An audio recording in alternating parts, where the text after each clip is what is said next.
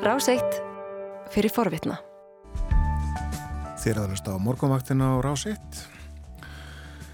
50 dagur í dag, 7. ótóber, klukkan farin að ganga nýju. Og uh, nú horfum við út í heim.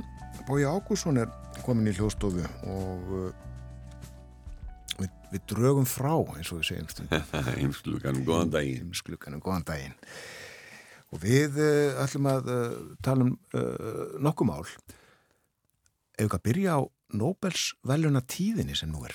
Já, þessa víkuna er kynnt hverju það eru eða hver það eru sem að fá Nobelsvælunum sem eru síðan aðfend 10. desember og um, í dag þá verður kynnt, ég held að það sé bara klokka nýju ákvað tíma þá verður tilkynnt uh, hver eða hverjir eða hverjar fá uh, Nobelsvælunum í bókmyndum uh, það er aðteglin beinist oft mest að, um, að bókmyndunum og fríðavelunum en, en bókmyndirnar verða kynntar í dag og já. svo fríðavelun held ég á morgun. Ég held að það sé rétt líka, já. Mm. Þegar búið að tilkynna um hverju hljótaðu í læknisfræði, ellisfræði og efnafræði og uh, það er nú aldilis vísindi en tilnefndir eða, eða í umræðinu allavega margir réttöfundur auðvitað sem að uh, íslenskir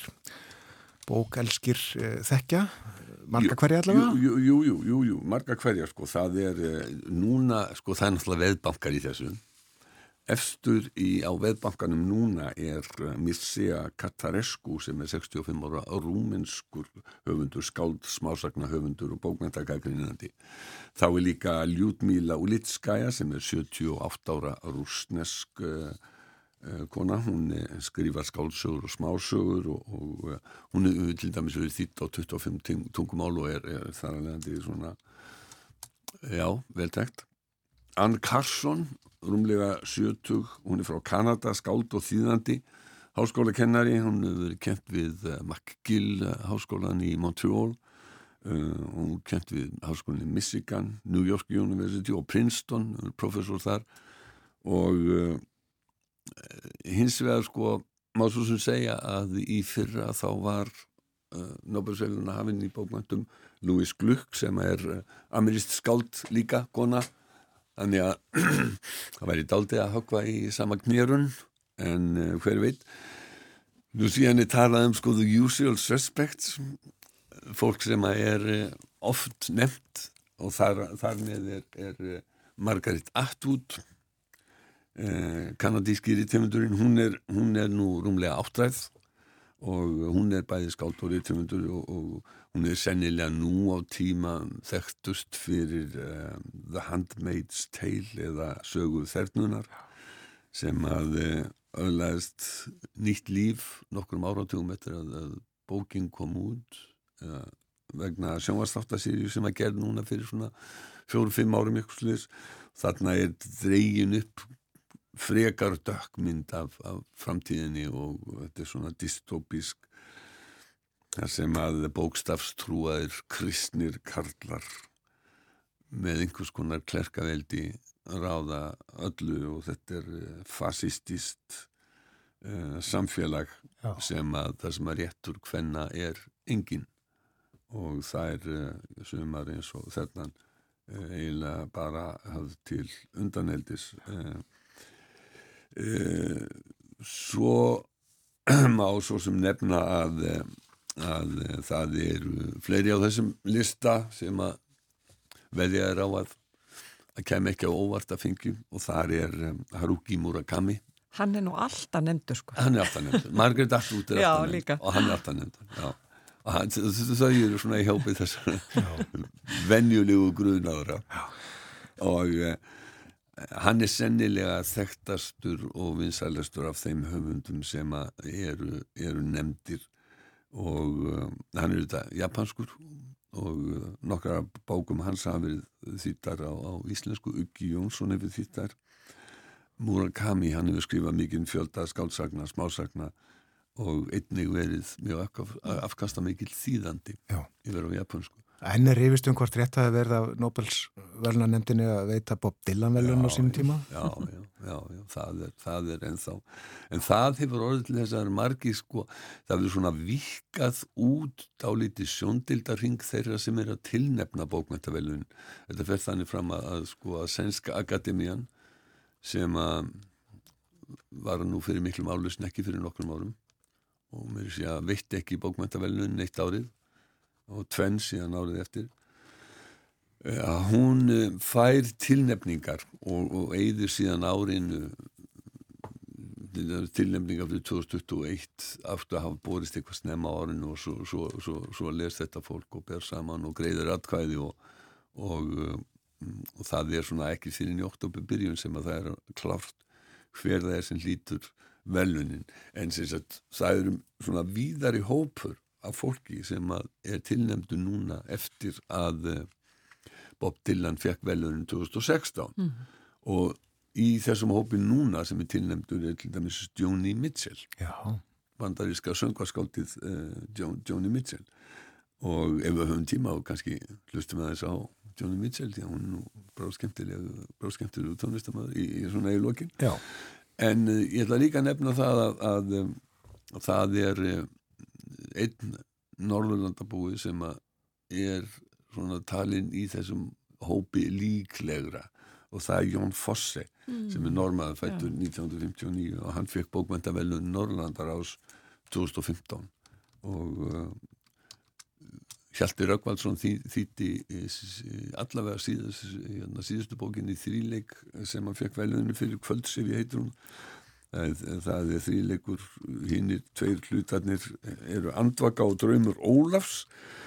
Og uh, þetta var sagt sagði sögðumenn þegar hann fekk Norrænvelun að uh, væri, hann listi með einstæðum og áhrifamiklum hætti lífsbaróttu norskrar al, alþýðu fyrir á tímum þetta eru, eru hérna, nokkur af þeim sem eru nefnd. Svo náttúrulega öruglega kemur eitthvað algjörlega á óvart því að Nobelsvælina nefndin hún, hefur, hún dregur oft upp einhverja sem að enginn hefur allavega enginn, þú veist maður ekki segja enginn sem ég hef aldrei getið.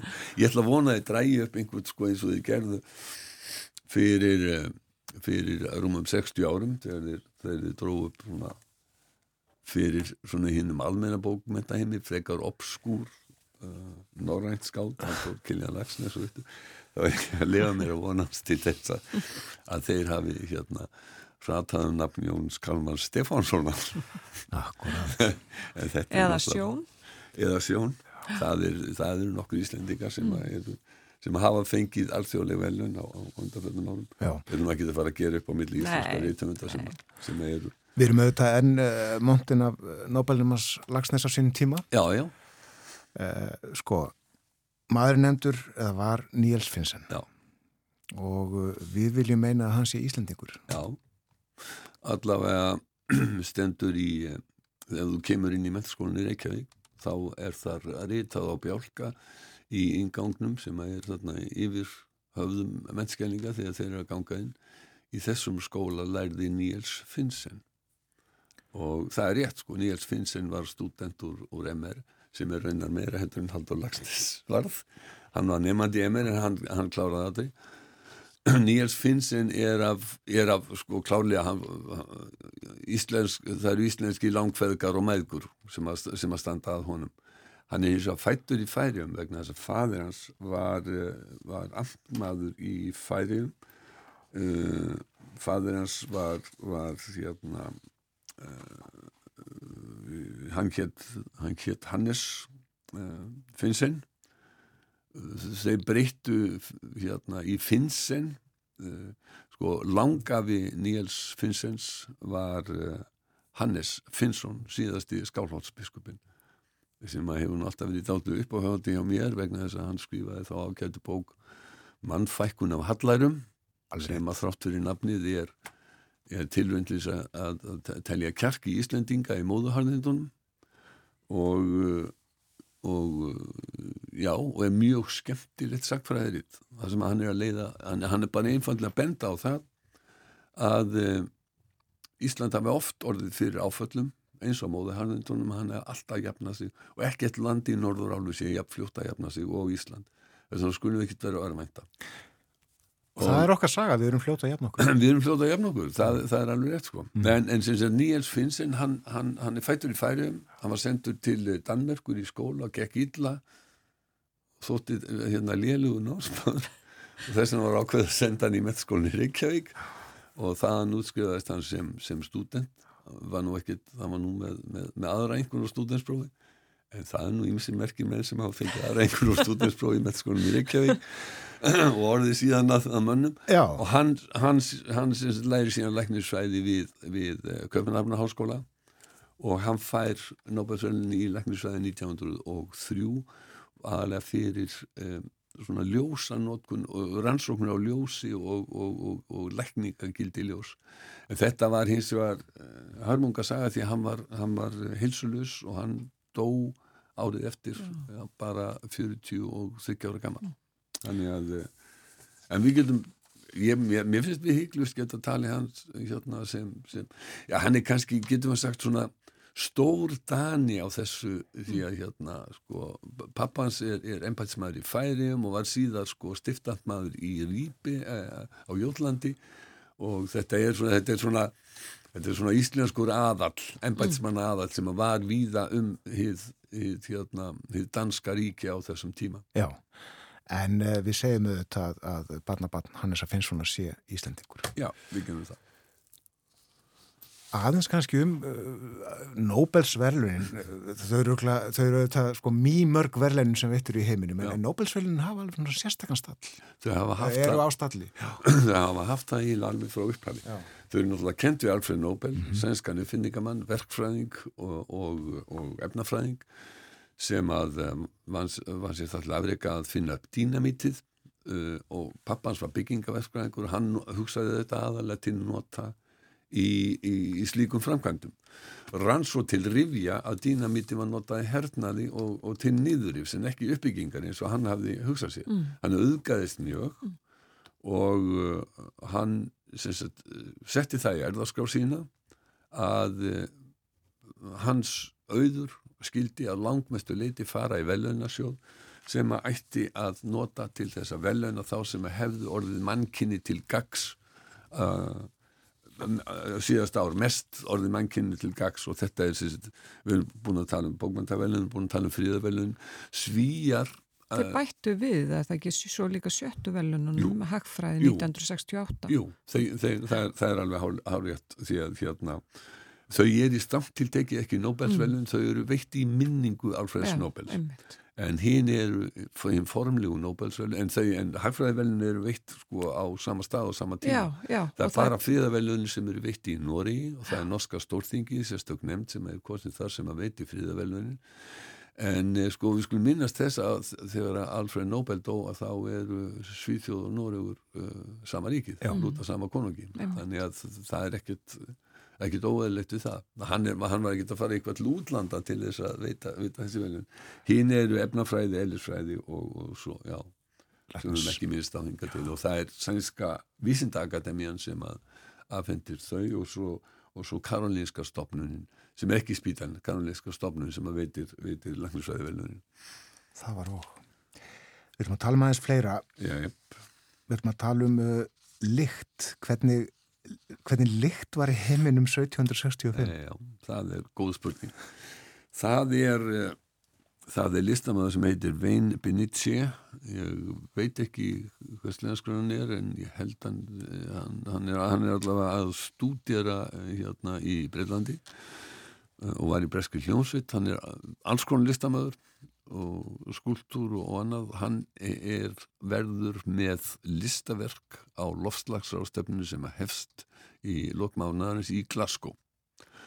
Og það listaverk er ís og loft í, inn í sívalningi uh, frá 1765 og það er fengið upp úr ísnum á Suðurskautslandinu borað niður af, af, 200, af 110 metra dýpi.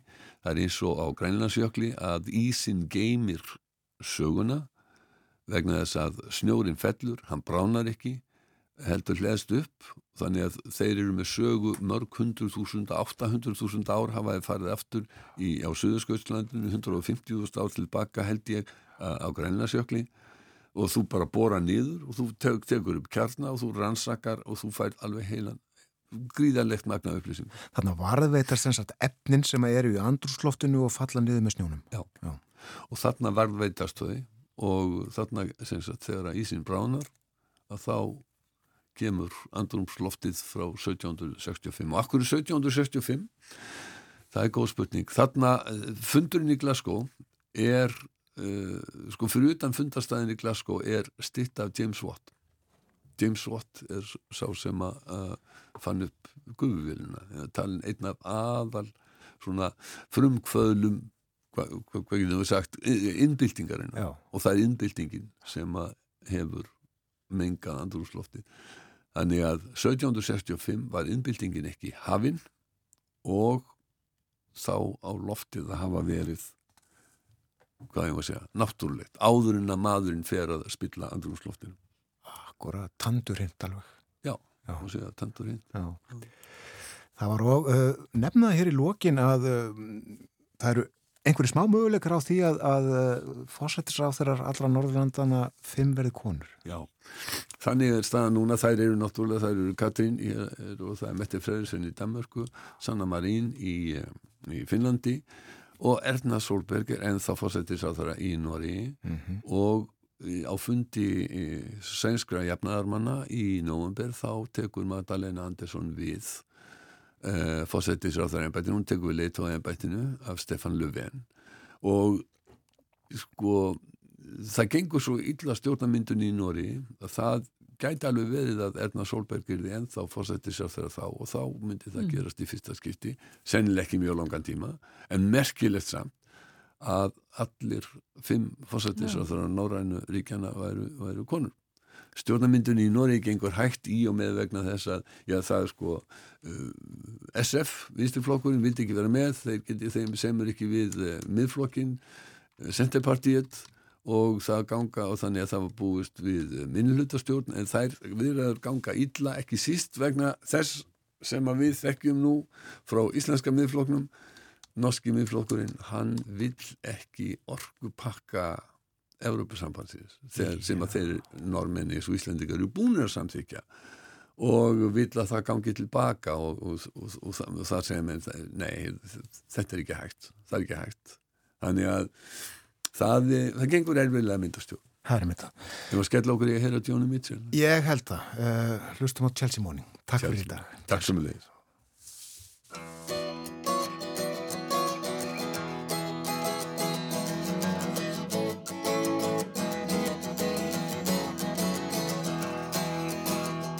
woke up, it was a Chelsea morning, and the first thing that I heard was a song outside my window, and the traffic wrote the words. It came a ringing up like Christmas bells, and wrapping up like pipes and drums.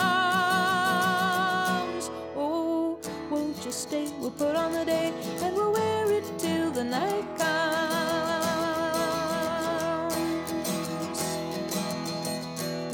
It was a Chelsea morning, and the first thing that I saw was the sun through yellow curtains and a rainbow on my wall. The red, green, and gold to welcome you, crimson crystal beads to beckon. Oh, won't you stay? We'll put on a day. There's a sun show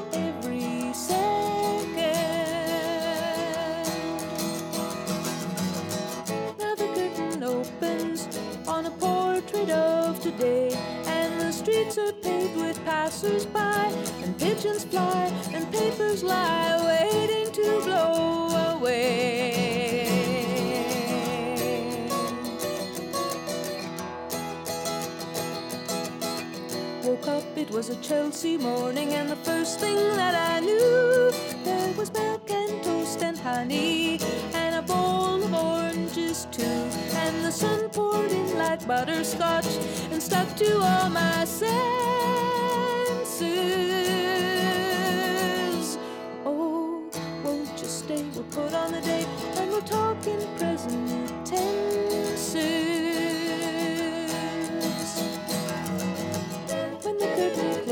And the rainbow runs away, I will bring you incense owls by night, by candlelight, by jewellight,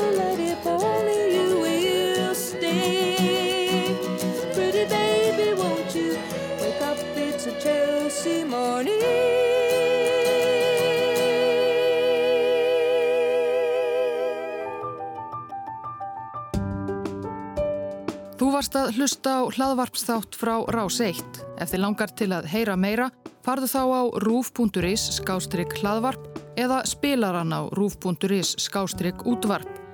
Rás 1 fyrir forvitna.